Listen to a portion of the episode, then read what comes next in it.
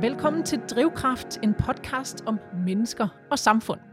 Podcasten er udgivet af det Humanistiske og Samfundsvidenskabelige Fakultet ved Aalborg Universitet. Jeg hedder Anne Kaiser, og sammen med gæster med indsigt og indflydelse, tager jeg fat på nogle af tidens største og vigtigste udfordringer. Og i dag skal det handle om de kommende generationer, for fremtiden er vores børns. Det betyder, at det er de kommende generationer, der skal bære den grønne og bæredygtige omstilling, som vi står overfor. Men det er, som så meget andet, lettere sagt end gjort, for fremtidens arbejdskraft skal tænke, arbejde og handle på en helt anden måde, end de ældre generationer er vant til. Det er et simpelt vilkår, hvis vi for eksempel skal nå de nationale og internationale mål for CO2-reduktion. Hvordan uddanner og motiverer vi de kommende grønne generationer? Det er noget af det, mine gæster i studiet i dag skal hjælpe mig med at blive klogere på. Og dermed velkommen til jer, Rikke Magnussen, professor på det humanistiske og samfundsvidenskabelige fakultet på Aalborg Universitet. Velkommen til dig. Tak. Og også velkommen til dig, Nadja Gullestrup Christensen, forperson i Unge Klimarådet og ungdomsdelegat i FN. Velkommen. Tusind tak. Nå, Rikke, den her grønne omstilling, den er i gang, men øh, på sådan et, et teknisk plan, ved jeg, du mener. Og, og du mener også, at vi, øh, vi har glemt noget, nemlig den menneskelige omstilling, hvis man kan sige det sådan. Vil du prøve at forklare det? Ja, altså øh, det er noget af det, som vi arbejder med i vores projekter. Det er hele den øh, menneskelige, den samfundsmæssige omstilling, fordi at vi begynder at have en hel række øh, standarder, så vi har øh, standarder for solpaneler, vindmøller osv. osv., osv. Og det kan vi sagtens øh, udvikle mere på og forske mere på. Men øh, for at vi skal have den her store samfundsmæssige omstilling, så skal vi altså også have mennesker med, og jeg tænker ikke kun på sådan en adfærdsagtig måde, hvor man skal huske at slukke for vandet og lyset osv. Jeg tænker faktisk også, øh, at øh, man skal øh, deltage, at vi skal blive vant til, at borgere deltager i det her og bliver deltager i at lave omstillingen, snarere når man kommer og sætter øh, noget op på kysten eller, eller marken, eller hvad det kan være, at man så inviterer folk indenfor. Jeg nævnte i introen, Rikke, at øh, ungdommen skal uddannes grønt, hvis vi skal have hænder og hoveder nok til den her grønne omstilling. Øhm, så kan man jo tænke, hvor meget kan det lige være? Hvor mange kan det dreje sig om? Men det er faktisk ret, et ret højt tal. Hvor mange er det, det drejer sig om, der skal, kan man sige, omstilles grønt i uddannelse? Altså, det er jo, jeg vil jo sige, at det var hele vores befolkning, og alle befolkninger i alle lande, kan man sige. Ikke? Men, øh, men altså, der er, jo nogle, der er jo kommet nogle tal ud. Øh, Dansk Energi kom med en rapport i 2020, som, hvor, de, øh, hvor de anslog, at bare inden for energiområdet, så er det 290.000, der manglede mandeår øh, i de næste 10 mm. år. Så. Og det er faktisk på alle niveauer af, uddannelsessystemet, så det er øh, og, og faktisk også uddannet arbejdskraft, så det er øh, korte og lange og så videre uddannet. Og bare inden for energiområdet? Bare inden for energiområdet, og hvis vi tænker så på alt muligt andet, ja. isolering af huse og... Øh, Øhm, altså hele vores fødevareproduktion og så videre, så videre, så videre, ikke? Så, så kan man selv tælle op. hvis man kan, man. hvis man kan. ja. Og uh, Nadia, ja. du er så uh, ja. selv en af dem, vi kommer til at tale rigtig meget om i dag, nemlig uh, ungdommen. Mm. Uh, 23 år gammel er du, og uh, til trods for, for din blot 23 år, så har du arbejdet mange år med, med klima og også grøn omstilling. Øh, så lad mig lige høre til en start. Hvordan oplever du, at unge i dag forholder sig til den øh, grønne, grønne omstilling, øh, som der tales så meget om? Vi ser jo generelt, at ungdommen går rigtig meget op i den grønne omstilling. Vi har bevægelser som den grønne ungdomsbevægelse, hvor vi ser unge, der går på gaden for at demonstrere for at få mere klimahandling. Men når det så er sagt, så synes jeg, det er virkelig vigtigt at highlighte diversiteten i min generation. Det er sjældent, du bare snakker om gamle mennesker som en samlet flok. Øhm, og, og samme nuanceret til tilgang synes jeg også, det er rigtig vigtigt at have til min generation i forhold til, jo, der er rigtig mange unge, som går virkelig meget op i den grønne omstilling, men der er også nogen, hvor at psyken fylder rigtig meget, eller andre bekymringer af det, der er allervigtigst for dem.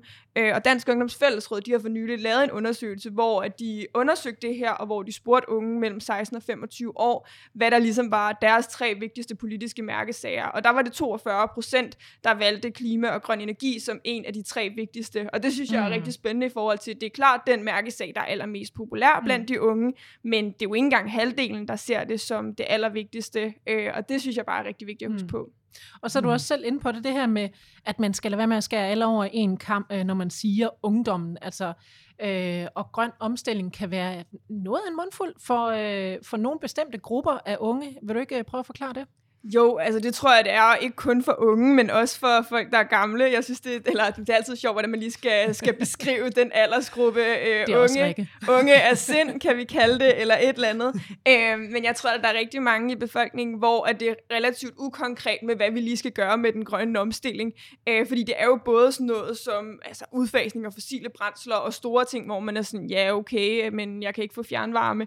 Øh, samtidig med, at der også bliver helt mange diskussioner omkring, sådan, jamen, skal man ændre noget som enkeltperson eller samfund, og så ender man et eller andet sted med at være sådan, jeg skal også bare møde på arbejde. Mm. Og der tror jeg, at det er rigtig vigtigt, at vi får lavet en fortælling som samfund, hvor vi kommer mm. ind og mm. kigger på, jamen, hvordan kan vi gøre det og gøre en forskel og gøre noget for den grønne omstilling mere håndgribeligt og mere hverdagsagtigt, øh, og noget, hvor at folk føler, at jamen, når de møder ind på mandag på arbejde, så er det faktisk noget, hvor de bidrager og gør noget. Og rigtigt, du sidder der og, ja, og nikker, ja, øh, ja. nikker ret over til Nadja. Er det noget, du kan genkende fra dit arbejde? Ja, men helt sikkert. Altså, vi, har jo, vi har jo et uh, meget stort forskningsprojekt, der hedder Green EdTech, mm. som handler om uh, grøn uddannelse uh, i grundskolen faktisk. Fordi at nogle af de her tal, der kommer ud, kan vi også se, at det ikke nødvendigvis uh, bare universitetsuddannet, det er ikke nødvendigvis bare uh, smidende osv., der skal sætte møllerne om, men det er uh, altså på alle niveauer af uddannelsessystemet, at der mangler kompetencer, øh, mm. og kommer til at mangle kompetencer. Så vi har det her store grønne øh, øh, projekt, der over de næste fire år skal udvikle platforme til faktisk at tænke øh, grøn uddannelse, øh, øh, uddannelse til bæredygtig udvikling på tværs af alle fag i skolen. Så ikke kun, altså det er forholdsvis godt repræsenteret i i naturfagene og de tekniske fag osv., men at tænke det på tværs, tænke det i dansk og samfundsfag osv. osv. Alle fagene. Og det er noget, nu er jeg lige kommet hjem fra Stanford University øh, i øh, USA, og øh, der er det her med at tænke på tværs af systemer, tænke på tværs af discipliner, det, er, det ser man som en fuldstændig, øh, det er måske den vigtigste kompetence, man kan tænke fremover. Så er der også noget at kunne forestille sig fremtidige scenarier. Hvordan vil sådan et fremtidigt bæredygtigt scenarie ud, sende ud frem, øh, hvad hedder det, øh, samfundsmæssigt, hvis jeg skal udvikle det som 10. klasses elev, eller, mm. eller hvem, hvem det nu er, der skal mm. udvikle det. Ikke? Så der er sådan en række af kompetencer, men, men, men det her med at kunne tænke på tværs af fagene, kunne tænke bæredygtighed på tværs af fagene, det øh, som vi også ser det nu øh, på tværs af økonomi og øh, tekniske, øh, digital design osv. osv., det bliver tænkt, eller begyndende bliver det tænkt mm. på tværs af, mm. af mange forskellige fag. Ikke? Ja. Og hvad, hvad siger du der, Nadia? Nu markerer lige. Ja, um, jeg, jeg synes bare, det er nogle virkelig gode pointer mm. i forhold til mm. delen om, at vi skal tænke på tværs. Uh, og en af de ting, der bekymrer mig allermest i forhold til den grønne omstilling, er nogle gange den polarisering, ja. vi ser, og hvor at det nogle gange bliver en diskussion, hvor at det er sådan for eller imod kød, uh, og kødfri mandag, og alt sådan noget, hvor at mm. det er virkelig noget, der, der bekymrer mig, når vi har den polarisering. Og der tror jeg, det er rigtig vigtigt, det der med at tænke på tværs af samfundet, og på tværs af forskellige uddannelsesniveauer, mm. og hvor at man virkelig også får sådan frem delen om, at jamen, den grønne omstilling, det er også noget, der giver godt betalte jobs for folk, der ikke er universitetsuddannet. Mm. Mm. Så hele snakken omkring just transition er noget, jeg synes, der er rigtig vigtigt og essentielt. Ja. Øhm, og også det, du snakkede om før i forhold til tværfaglighed, så det er egentlig noget, jeg synes, vi er lidt dårlige til i Danmark, hvor at vi har meget kassetænkning, når det kommer mm. til universitetsuddannelserne, og hvor jamen, man først startede på en bachelor, mm. øh, som man valgte, mens man havde, øh, det ved jeg ikke, øh, studenterhue på, og måske ikke var, var helt ædru, øh, så er det ligesom den vej, man skal fortsætte ned af. Altså, jeg har en bachelor i miljøøkonomi, og vil knap nok kunne læse almindelig økonomi på kandidaten. Altså, det er virkelig sådan en kassetænkning, øhm, og det synes jeg er ærgerligt, og noget, vi skal bryde op med, og hvor ja. at man også godt kan lære lidt af USA, for eksempel. Ja. Og hvad vi skal gøre af løsninger, og hvordan vi kan klare det her, det kommer vi nemlig til lige om et øh, øjeblik. Men Rikke, jeg kunne godt lige tænke mig at, at, øh, at tale lidt med dig om hvad, den her grønne omstilling igen, fordi vi mm. har jo allerede nu slået fast, at der skal gøres noget, også på det Ja. individuelle plan, men hvis vi skal, hvis vi skal komme i, i mål med den her grønne omstilling, men hvorfor kan det ikke tages, hvorfor kan man ikke tage hånd om det sådan på mere politisk plan, lovgivning, retten, retningslinjer osv., og så simpelthen sige, at det er, det er staten, der skal stå for den del, og så skal vi følge trop. Ja, men det kan man jo sikkert også godt, men det, er jo bare, det ser vi jo bare ikke altid.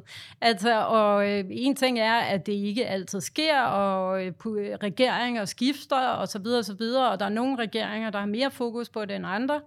Øh, men øh, hvis man virkelig skal lave den store omstilling, så skal man ligesom have hele kæden med, kan man sige. Så skal man også have erhvervslivet med, man skal have uddannelser med, man skal have øh, NGO'er med, og så videre, så videre. Og det prøver vi i vores projekt. Vi prøver at have et stort konsortium, som består af industrier, der gerne vil samarbejde med unge om at løse nogle af de her grønne øh, projekter eller grønne problemer.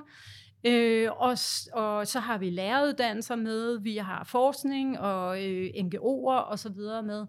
Og, øh, og på den måde, så, øh, og det er faktisk også en ret fantastisk projekt, eller hvad hedder det, proces, når vi så sidder der omkring bordet alle sammen. Fordi der er sådan en fantastisk energi lige nu om, at øh, folk vil gerne deltage. Og lige meget om du kommer fra industrien, eller hvor du kommer, så er der altså virkelig nogle ildsjæle rundt omkring. Mm. Ikke? Og, øh, og øh, vi kan ikke løse de der store problemer uden. Øh, og man kan ikke...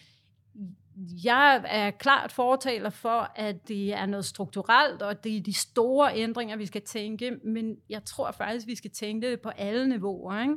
Og vi skal også tænke det øh, økonomisk og så videre, Mm. mm. så videre. Ikke? Så, ja. Så det, det er ikke bare at sige, at det er en politisk beslutning, og så... Nej, altså, det, altså, der er jo heller ikke, øh, hvad kan man sige, havde diktatur, så ville nogen kunne gennemtvinge alt muligt forskelligt, men der er alle mulige interesser i, i samfundet og aktører og så videre, så, så, øh, så man kan, altså det skal desværre være den her store kollektive øh, samarbejde, og der er nogen, der går forrest. Der er nogle Mm. industrier, der går forrest og, og vil være med. Der er nogle øh, NGO'er, der går forrest og så videre, og politikere. Øh, men, men, øh, og, og der er nogen, der halter bagefter, og der er også nogle nationer, der halter bagefter. Ikke? Det ved du også. Du har været øh, til de her store kopmøder, og, og det har sikkert også været lidt deprimerende indimellem. Ikke? Øh, så, øh, så, så, så det kræver bare det her store felt, og på et, øh, et mindre plan, så har vi oplevet det i vores projekt, hvor, hvilken fantastisk energi der kan være i det, når, når man øh, går sammen, øh, alle de her forskellige. Mm.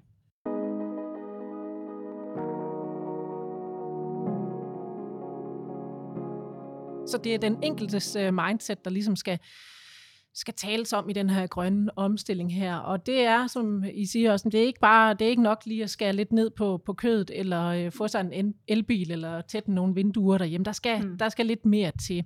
Så lad os se på, hvad der så skal gøres. Og her vil jeg gerne starte ved dig, Nadja, for jeg nævnte i starten, at du er forperson for Unge Klimarådet. Og hvert år der er I ude med en række anbefalinger inden for forskellige områder.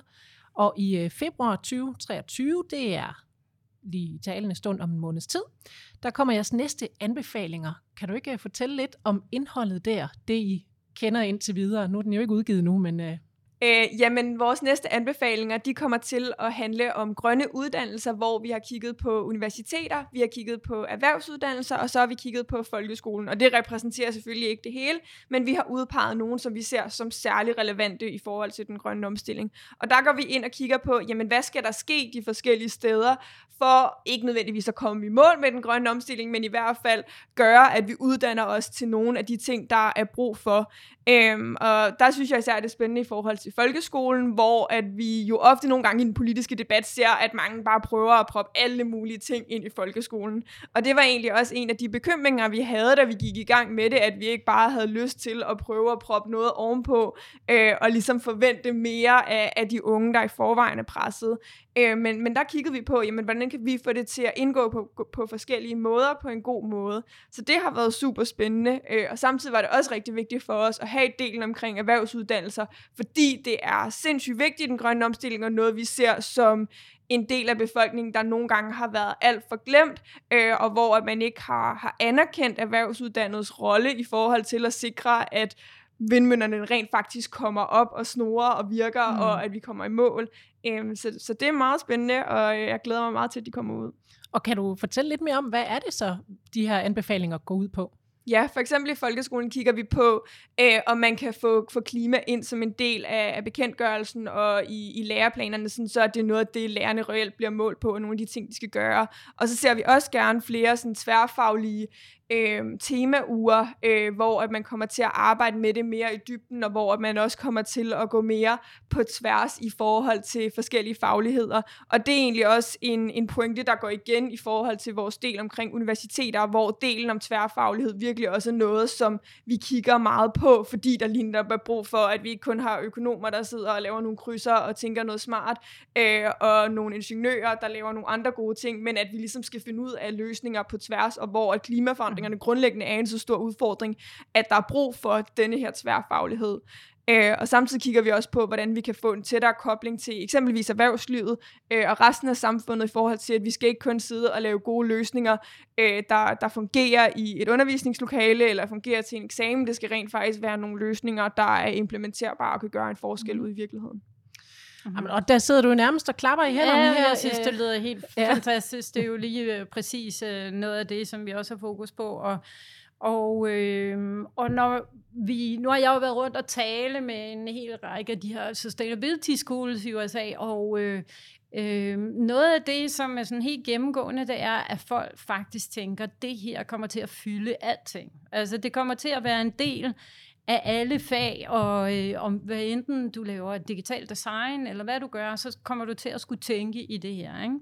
Øhm, og øh, man kan sammenligne det lidt med den gang, hvor vi begyndte at tænke sådan noget IT, øh, øh, datamater i skolen.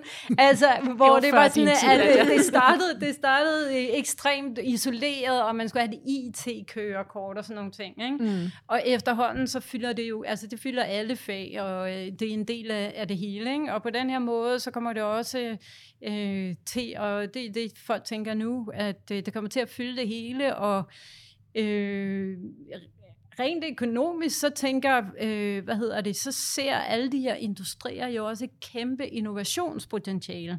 Og det skal vi jo også tænke ind i vores uddannelser, fordi øh, nogle af de her, øh, hvad hedder det, hvad hedder det, estimater af, hvor, hvad mangler egentlig, eller hvor stort et innovationspotentiale er der, Øh, der siger folk, det, der er måske udviklet 30 procent af det, mm. vi kommer til at, at skulle bruge til den her omstilling. Ikke? Så vi har et kæmpe innovationspotentiale for alle de her firmaer og industrier, og det skal vi jo tage højde for i vores uddannelser også, fordi vi skal jo have øh, hvad hedder det, nogen, der har lyst til at gå ud og præge den her innovation. Ikke? Mm. Øh, så, som, altså, det kommer, det kommer uddannelsen til at handle om for os frem, fremover. Ja. Og også de projekter, ja. som uh, du beskæftiger dig med. Du var ja. inde på det før. Du er mm. projektleder mm. på et uh, stort og meget ambitiøst projekt, ja. der har det her mål at udvikle den danske folkeskole mod det grønne og sådan mm. hovedmålet. Ikke? Mm. Øhm, hvorfor tror du, det er nødvendigt med sådan et projekt? Øhm, dels er det nødvendigt øh, at tænke bæredygtighed på tværs af fagene. Så det er nødvendigt at tænke det ind i alle fagene. Og, øh, og der tror jeg, øh, og vi er ikke de eneste, der ikke helt er nået til det endnu, det er der rigtig mange lande, der heller ikke er nået til. Men altså simpelthen tænk det ind, øh, tværfagligt, som du også sagde, Nadia, i alle fagene. Øhm, og så dels så mangler vi simpelthen øh, redskaberne til det. Så en, en meget stor del af vores projekt er også at udvikle platforme, læringsplatforme til det her. Og de skal kunne noget nyt. De skal dels understøtte de her nye kompetencer, det her med at tænke på tværs, det her med at kunne forestille sig fremtidige grønne scenarier, og det her med at kunne samarbejde på en ny måde. Så, så de her platforme er udviklet også til, at elever kan gå ud og samarbejde med industrier, som er med i vores konsortie. Øh, og der skal de kunne noget nyt, fordi hvis 10.000 elever pludselig skal ud og foreslå nogle idéer til mm. øh, Grundfos, eller hvem der kan være, øh, så, så skal de jo kunne det, platformene. Så skal de jo kunne modtage alle de her data på en eller anden måde, mm. og de skal kunne omsætte det til noget, de skal kunne bruge, osv. Så, videre. så det er sådan nogle meget store udfordringer, vi arbejder med. Øh, men, men altså helt ned i praksis, og det er også derfor, vi har... Øh, Lennart og Ringhoff med, øh, som er de største læringsplatformsudviklere i Danmark, øh, øh, til at understøtte det her øh, sådan læringsplatformsmæssigt, og altså give nogle nye redskaber til den her omstilling. Så det er noget af det, øh, det nye, der er i vores mm. projekt. Ja. Og så det er mere, end man bare lige siger, hey, gider I undervise jeres øh, elever en lille smule i noget grøn omstilling? Altså ja. det er på mange som du siger også, det er mange platforme, ikke? Det, ja. er, det er meget mere end det, ikke? Det er nye, altså det er at tænke nye kompetencer, det er at tænke nye redskaber, det er at tænke nye samarbejdsformer også. Øhm, og øh, ja, så, så, så det er på rigtig mange forskellige niveauer, ja. Mm. ja. Ja, Nadia. Ja, jeg tror altså meget enig med mange af de mm. pointer, men jeg tror en ting, der virkelig også er vigtigt at nævne, er sådan, vi kan ikke bare stille krav alene til mm. underviserne i forhold til, jamen nu skal I gøre alle de her ting. Vi skal ligesom mm. også give dem værktøjerne til at kunne gøre det på en god måde, ja. sådan så det ikke afhænger af, hvad de lige kan google sig til eller lignende. Um, så det tror jeg virkelig også er en pointe i forhold til, at der er brug for efteruddannelse på tværs af uddannelsessystemet af lærerne i forhold til at give dem kompetencerne. Fordi jeg tror, der er ofte, hvor man så ligesom snakker om den nuværende og min generation i forhold til alt, hvad vi skal kunne, mm. men vi skal jo huske på, at i den her omstilling er der jo også nogen, der er ældre end mig. Uh, og der skal vi også finde ud af, jamen, men de har ikke nødvendigvis været igennem de gode uddannelser, som der kommer til at være fremad, eller fremadrettet. De skal ligesom også efteruddanne sig få kompetencerne, og det er både lærere, ja. øh, og at uddannelsessystemerne i dag også i højere grad skal kunne efteruddanne folk, sådan så at jeg i langt højere grad, når jeg kommer ind på universitetet, eller når man går ind på sin erhvervsuddannelse, at man så mm. ser folk i flere forskellige aldersgrupper, hvor man kan lære af hinanden på, mm. på en god måde. Ja. Øhm, og så tror jeg, en anden pointe, som, som er relevant, er også det der med, jamen, hvordan får vi også inspireret de unge til at have lyst til det her? Øh, vi skal ligesom ikke bare proppe noget ned over hovederne på folk. Øh, og der tror jeg, at hele den der del omkring uddannelsesvejledning er, er virkelig essentiel, og også mm. det der med at komme op med de gode eksempler. Og der synes jeg, at en organisation som Headspace virkelig er spændende i forhold til, at de har startet sådan en platform med sådan, jamen, hvad kan jeg blive? Hvor man så kan se eksempler på, hvad nogen har lavet, øh, og hvordan at sådan, om, så starter man som elektriker et sted og ender med at være øh, rejsemontør øh, eller lignende med, med vindmøller. Så det der med at få konkretiseret det for unge, fordi mm. ellers tror jeg, nogle gange uddannelsesvalget kan virke som en sort boks for, for unge. Det ja. tror jeg, du øh, ja. har ret i. Oplever I også det, Rik? Ja, helt klart. Og, og som du også sagde, Nadia, så er, det jo, så er der jo meget forskel på de unges øh, tilgang og profil i forhold til det her. Det er noget, vi er gået sammen med Center for Ungdomsforskning i, og... Øh, øh, lave en stor survey, fordi så vidt vi kan se, så har der ikke været undersøgelser af de sådan helt unge, 13 til 16 år eller 13 til 19 år. Øh, du nævnte en undersøgelse af 16 til 25 år, ikke? Men, men dem vi arbejder med 7. til 10. klasse, der kan vi ikke, der har vi, kan vi ikke umiddelbart se, at der har været noget undersøgelse omkring, hvordan oplever de egentlig, har de, oplever de, at de har mulighed for at handle? Oplever de, at deres omgivelser handler? At de kan gøre det i fællesskab? Altså det er noget andet, der er sådan helt centralt for os at tænke i de her fællesskaber. Fordi at øh, hvis man sidder der alene, så kan det godt blive en meget stor, tung byrde øh, at løfte alene. Men, men det vi kan også se, og som Center for Ungdomsforskning også har lavet studier af, det er det her grønne fællesskaber, når unge går sammen og, øh, og løfter nogle af at gå i NGO'er, eller, eller øh, ja, løfter nogle af de her opgaver sammen. Øh, så så øh, så det vi arbejder med lige nu, det er at lave en stor survey, så vi faktisk kan begynde at få et billede af de her sådan forskellige ungdomsprofiler inden for det her. Ikke?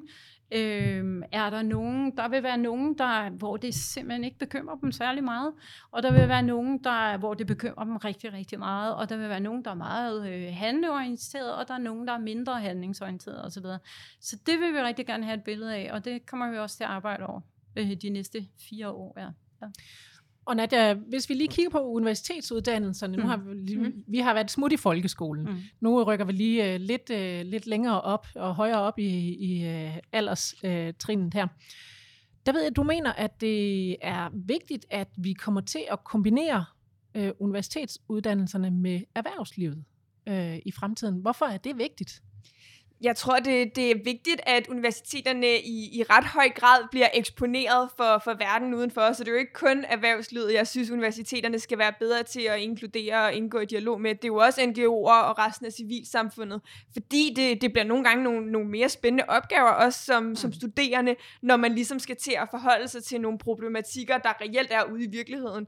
Øh, det kan jeg også bare genkende selv, at jeg har da skrevet alt for mange analyser og alt muligt på universitetet, hvor at det nogle gange ikke er det mest motiverende at gøre det på fire år i streg, hvor at man kan mærke, at det er ens underviser og ens selv, der læser det, og det er det, og selvfølgelig så er det for ens egen skyld, og, og alle de der ting, men hvis man pludselig kan begynde at arbejde med nogle problematikker, som man mærker, der er ude i virkeligheden, så tror jeg også, det kan være en måde at inspirere endnu flere af de unge, der går på universiteterne, mm. til os at synes, at det er fedt og spændende, og hvor jeg også tror, at det kan hjælpe de universitetsstuderende, der er til også at vide, hvad de vil bagefter. Jeg tror, der er rigtig mange, der ender med at have en kandidat i det ene eller det andet, hvor man bagefter er sådan hmm, hvad kan jeg lige bruge det til, og hvem har brug for mig, øh, og hvor at hvis man ligesom bliver bedre til at have den der kobling øh, til virkeligheden, så tror jeg også, det kan give de unge både mere motivation, men også en form for tryghed i forhold til, at der er brug for dem. Mm. Og Rikke, du har jo din daglige gang her på øh, Aalborg Universitet. Ja. Øh, kan, du, øh, kan du genkende til det, som Ja, altså vi, vi, vi arbejder, altså det er jo, øh, hvad hedder det, hele ryggraden i Aalborg Universitet, det er den her problembaseret læring, så, så vores studerende arbejder jo med øh, organisationer og firmaer udefra. Men, men øh, det, som jeg også kan genkende fra grundskolen, det er, at øh, vi har jo arbejdet med unge, der udvikler by, øh, hvad hedder det, byrum sammen med arkitekter, vi arbejder med unge, der arbejder sammen med kvantefysikere osv. Og det vi bare kan se, det er, at dels der er en kæmpe motivation i det, at være med til at ændre det der lokale miljø omkring sig. Øh, det er tit de udsatte områder, så der er tit meget store problemer i de her områder, helt konkret, som, som de unge oplever. Øh, men der er også en oplevelse af, øh, når vi har lavet de her præ- og post-tester og surveys osv., det er, at man har meget mere viden at kunne bidrage med, end man egentlig troede, man havde. Mm. Altså, så de her unge øh, øh, oplever, at øh, deres, altså, de har en masse viden, og at den kan bruges sammen med de her mm. professionelle. Øh, så, så det er sådan et super interessant øh, resultat ud af det. Øhm, så ja, så, så, så, så dels den her motivation, som du taler om, ikke? Men, øh, og øh, det kan jo sagtens starte i folkeskolen. Det, vi behøver ikke vente helt til vi når op på universitetsniveau ikke? Med, at, øh, med at lave de her samarbejder. Ikke? Ja. Hvad vil det egentlig betyde, det her med, hvis man får implementeret det i folkeskolen, frem for at man venter, som man måske sådan traditionelt har gjort? Jeg tror, man bliver meget mere, altså hvis du tænker folkeskole, hvis man skal sige det lidt groft med folkeskolen, så er det jo, man møder ikke så forfærdeligt mange andre professioner end en lærerprofession, som mm. det er nu. Ikke? Mm.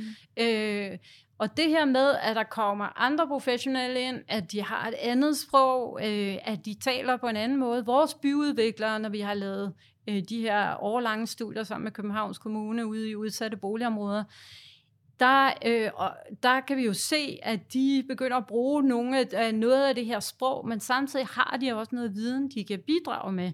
Så det her med at begynde at tænke i, øh, sådan byudviklere tænker typisk i, øh, når der ligger det her øh, nabolag midt i byen, det er lidt isoleret, det har ikke forbindelse til andre bydele osv. Vi skal tænke i forbindelser. Øh, og når du arbejder med de unge og byudviklerne, så begynder de at tænke i forbindelser og tale om forbindelser og tale om, øh, hvad hedder det, boligtæthed, hvor, stor, hvor tæt står boligerne, hvor mange forskellige typer boliger er der. Og hele det der sprog til at kunne samarbejde og kunne forhandle også med dem, der er uden for skolen, det tænker jeg godt, at vi kan starte lidt tidligere mm. på, fordi de her unge har en masse viden. Øh, og det ved Københavns Kommune for eksempel, fordi de inviterer altid borgerne ind, når de skal udvikle byområder. Men at kunne som en del af uddannelsen lære og øh, alle flere forskellige typer professionelle sprog og flere typer af forhandlinger, når man skal finde ud af, hvordan skal mit nabolag se ud, skal der stå møller på vestkysten lige ved siden af mit hus, eller hvad kan det være for en type pro- øh, problemer, vi beskæftiger os med? det, øh, det kan vi godt uddanne folk til tidligere. Så det er ikke nødvendigvis den her omstilling, så skal folk omstilles, nu er det blevet omstillet. øh, men det er mere den her at kunne, øh, at kunne opnå, at opnå de her kompetencer til egentlig at lære de her professionelle sprog og deltage øh, med professionelle også i at gå, komme igennem med sin viden og mening også, ja.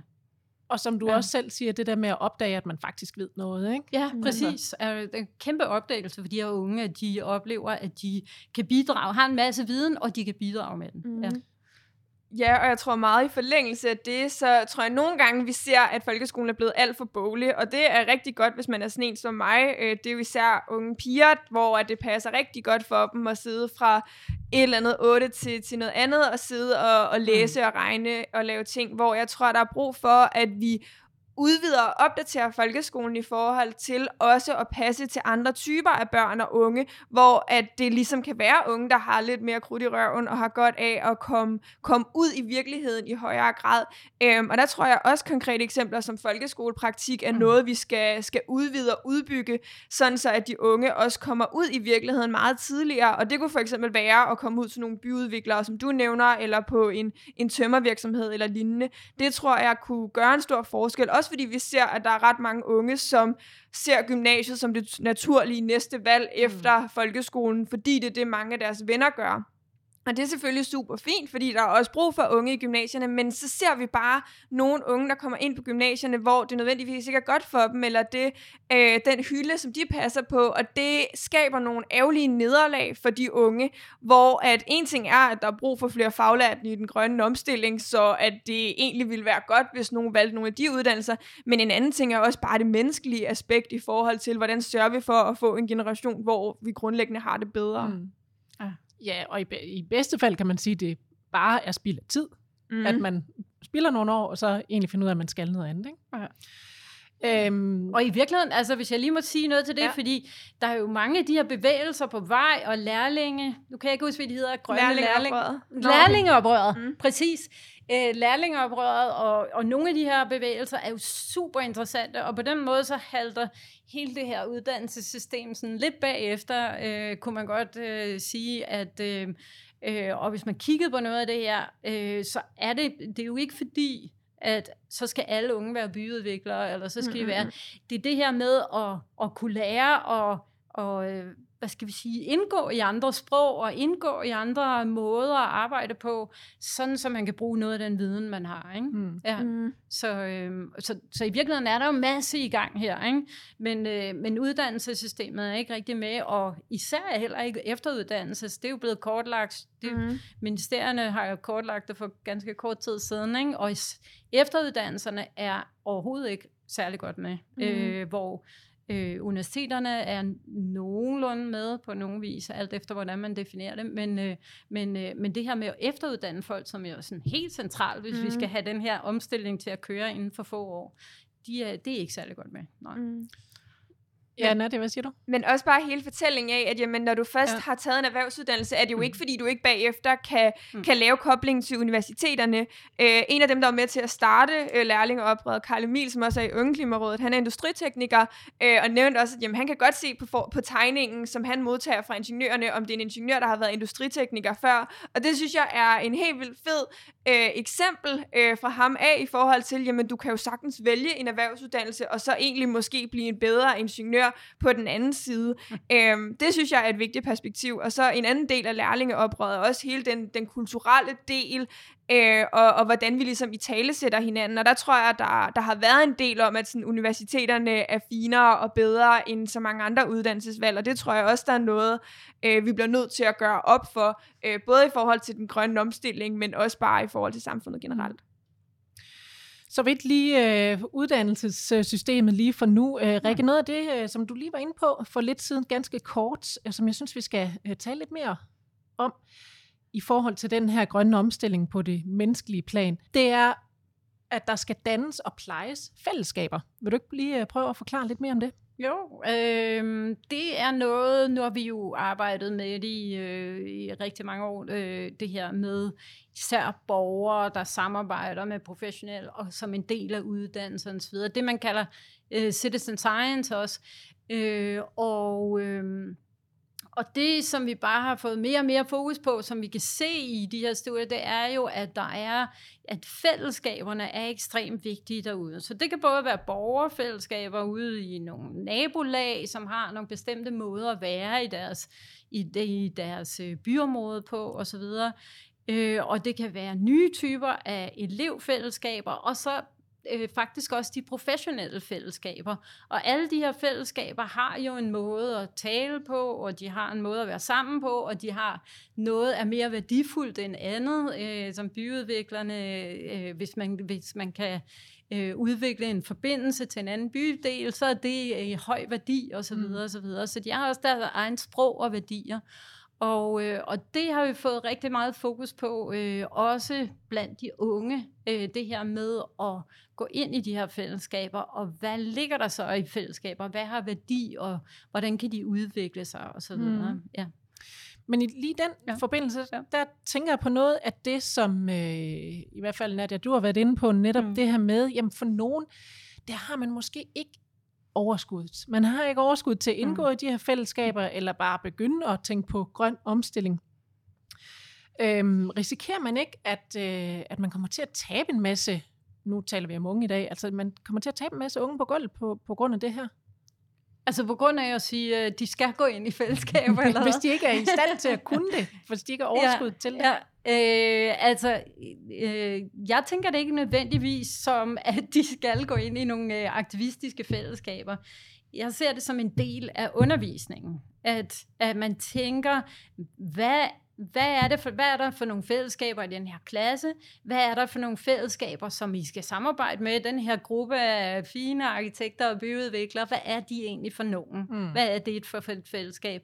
Og hvad, skal I, øh, hvad er det, vi skal lære for at kunne samarbejde med dem, eller få vores krav igennem, eller hvad det kan være. Ikke? Mm. Øh, så jeg tænker det mere på den måde, altså som en del af undervisningen, at man hele tiden tænker i, hvad er det for et sprog, vi taler nu?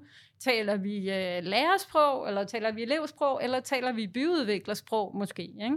Øh, så, så det er ikke fordi, jeg vil tvinge de unge ind i, i nogle fællesskaber, men, men jeg synes faktisk, det er en vigtig del af undervisningen, de her øh, lærende fællesskaber. Ja. Mm. Ja.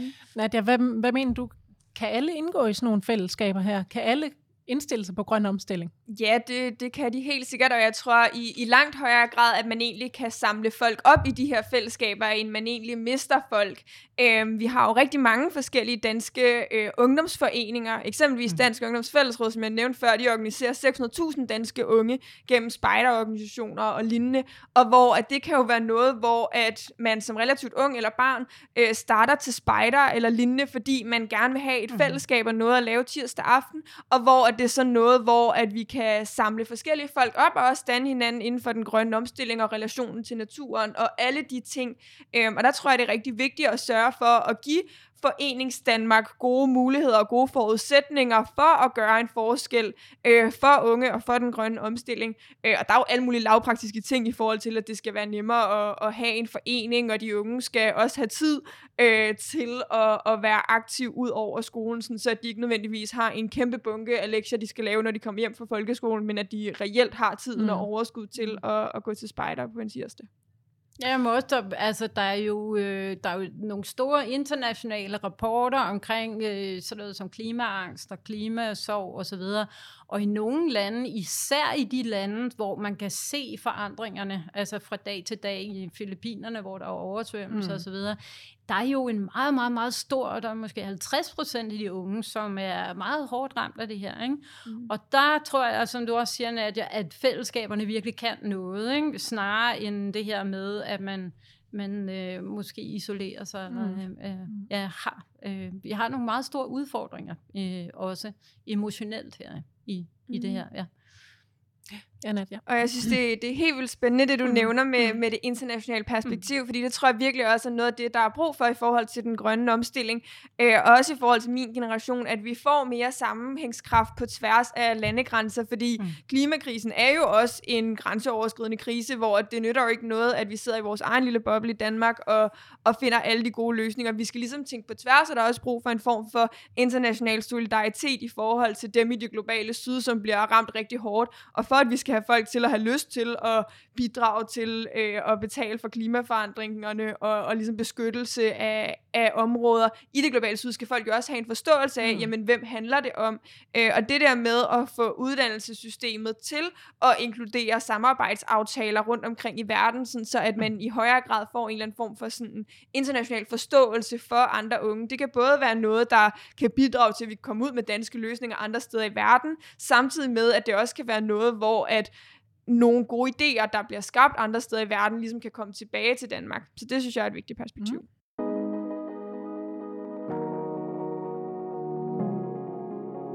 I har begge to fået belyst rigtig godt, hvor vigtigt det er, faktisk er, at der kommer et stigende fokus, også på det menneskelige plan, øh, på den her grønne omstilling, ikke bare teknisk. Og uddannelse er en øh, meget stor del af det, så her til sidst skal vi lige se på vores øh, øh, fælles forhåbentlig grønne fremtid. Og det er en fremtid, som du, Nadia, blandt andet er med til at skabe. Øhm, du er selv ved at gennemføre din uddannelse. Hvad er det, du er ved at uddanne dig til? Jamen, øh, jeg har en bachelor i naturressourcer med specialisering i miljøøkonomi, og så læser jeg en kandidat i øh, miljø- og ressourceøkonomi, og skal til at skrive øh, speciale til sommer mm. på Københavns Universitet. Nu ved jeg ikke, om det er at, at bande, når man sidder her på Aalborg. Men, øh. Jeg tror, det går ind. vi, og, vi kender godt hinanden. og jeg ved også, at du er helt bevidst er gået efter en grøn uddannelse. Øhm, hvad har det betydet for dig at kunne tage en grøn uddannelse?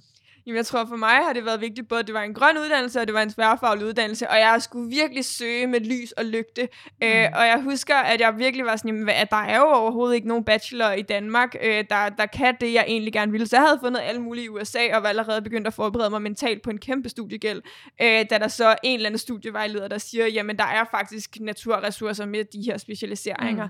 Mm. Øhm, og, og det var rigtig vigtigt for mig i forhold til, at det er noget, jeg har vidst, jeg altid gerne ville.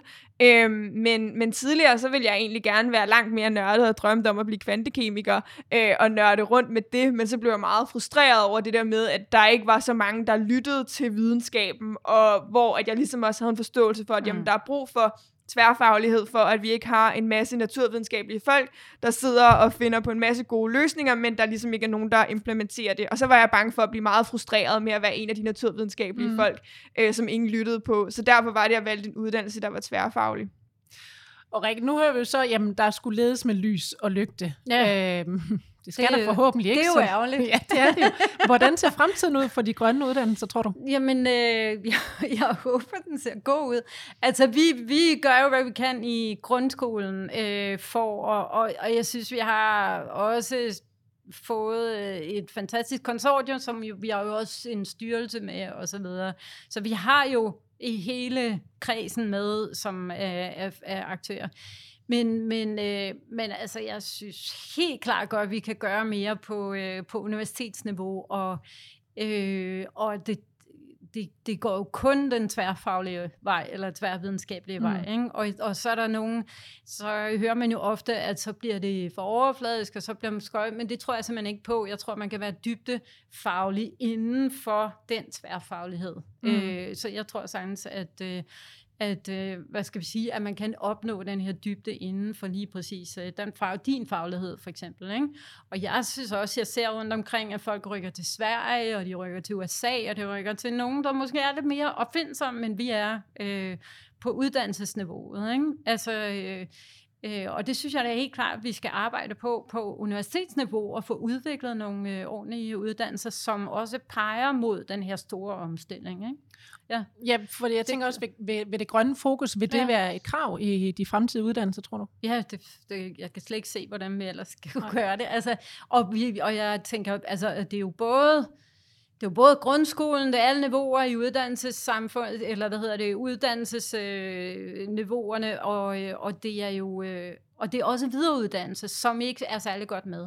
Øh, så vi skal jo tænke øh, grøn innovation, bæredygtig innovation, øh, øh, grøn øh, digital design osv. videre. Vi skal tænke det ind i alting. Mm. Øh, og det synes jeg, at din uddannelse er et meget godt eksempel på, men der er også nogle øh, fine, gode uddannelser på Lund Universitet for eksempel, altså, som, og ja, det tror jeg altså godt, vi kunne lære lidt mere af øh, ude i udlandet. Man, hvad må, godt, for nogle man må godt låne lidt fra... Øh, ja, fra... Hvordan, hvordan går vi på tværs? Og det kan ja. jeg også se. Jeg har jo været på Stanford her i efteråret, sidste efterår her, og... Øh, og øh, der har de jo, øh, øh, hvad hedder det, Sustainable Innovation og Sustainable Engineering osv. Altså det hele, øh, der begynder de jo at have uddannelser, hvor det hele ligesom er bygget ind, og de har specielle fakulteter kun for bæredygtighed. Det er der jo rigtig mange af de amerikanske universiteter, der har de her sustainability schools, hvor de så bringer de prominente grupper fra hele universitetet sammen til at lave tværvidenskabelig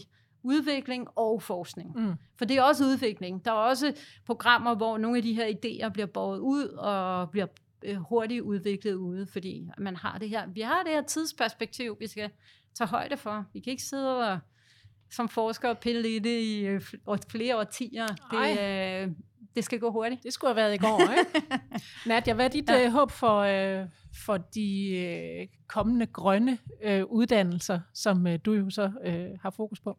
Jamen, jeg, jeg håber virkelig også, der bliver mere fleksibilitet. Altså, der er virkelig også bare nogle gange nogle lavpraktiske ting, der bare gør det svært for studerende i forhold til at arbejde med den grønne omstilling. Altså, rent lavpraktisk eksempelvis Københavns Universitet, hvis jeg gerne vil tage et fag på et andet fakultet end der, hvor jeg lige er, altså, så er det et større papirarbejde, hvor man lidt ender med at være sådan, jeg kan også bare tage på fredagsbar mm. øh, og tage et af de fag, vi har herude. Og det synes jeg er sindssygt ærgerligt i forhold til, mm. sådan, det er jo ikke nødvendigvis alle fakulteter, der skal have alle bæredygtighedsfag. Så det der med at give mere fleksibilitet, sådan, så så at studerende fra Københavns Universitet også nemmere kan tage det på, på Aalborg eller CBS eller lignende.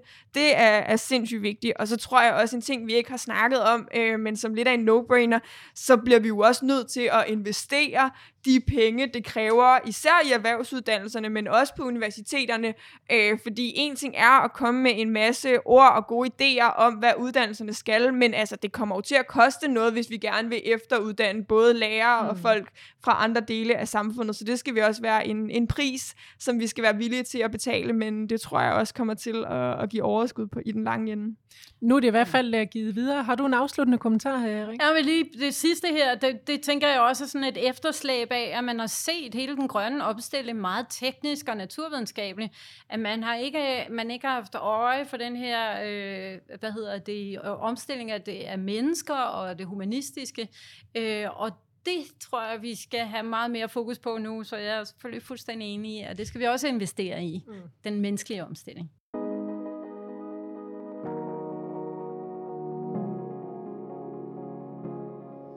Tusind tak øh, til jer for besøget i dag. Rikke Magnussen, som er professor på det humanistiske og samfundsvidenskabelige fakultet på Aalborg Universitet, og Nadja Gullestrup Christensen, forperson i Unge Klimarådet og ungdomsdelegat i FN. Tak fordi I ville øh, være med i dag. Ja. Og også tak. tak til dig, der lyttede med. Husk at gå ind og abonnere på podcasten i din podcast-app, så du ikke går glip af de kommende afsnit. Og der kan du altså skrive en kommentar til podcasten, eller give podcasten stjerner, hvis du kunne lide det, du hørte.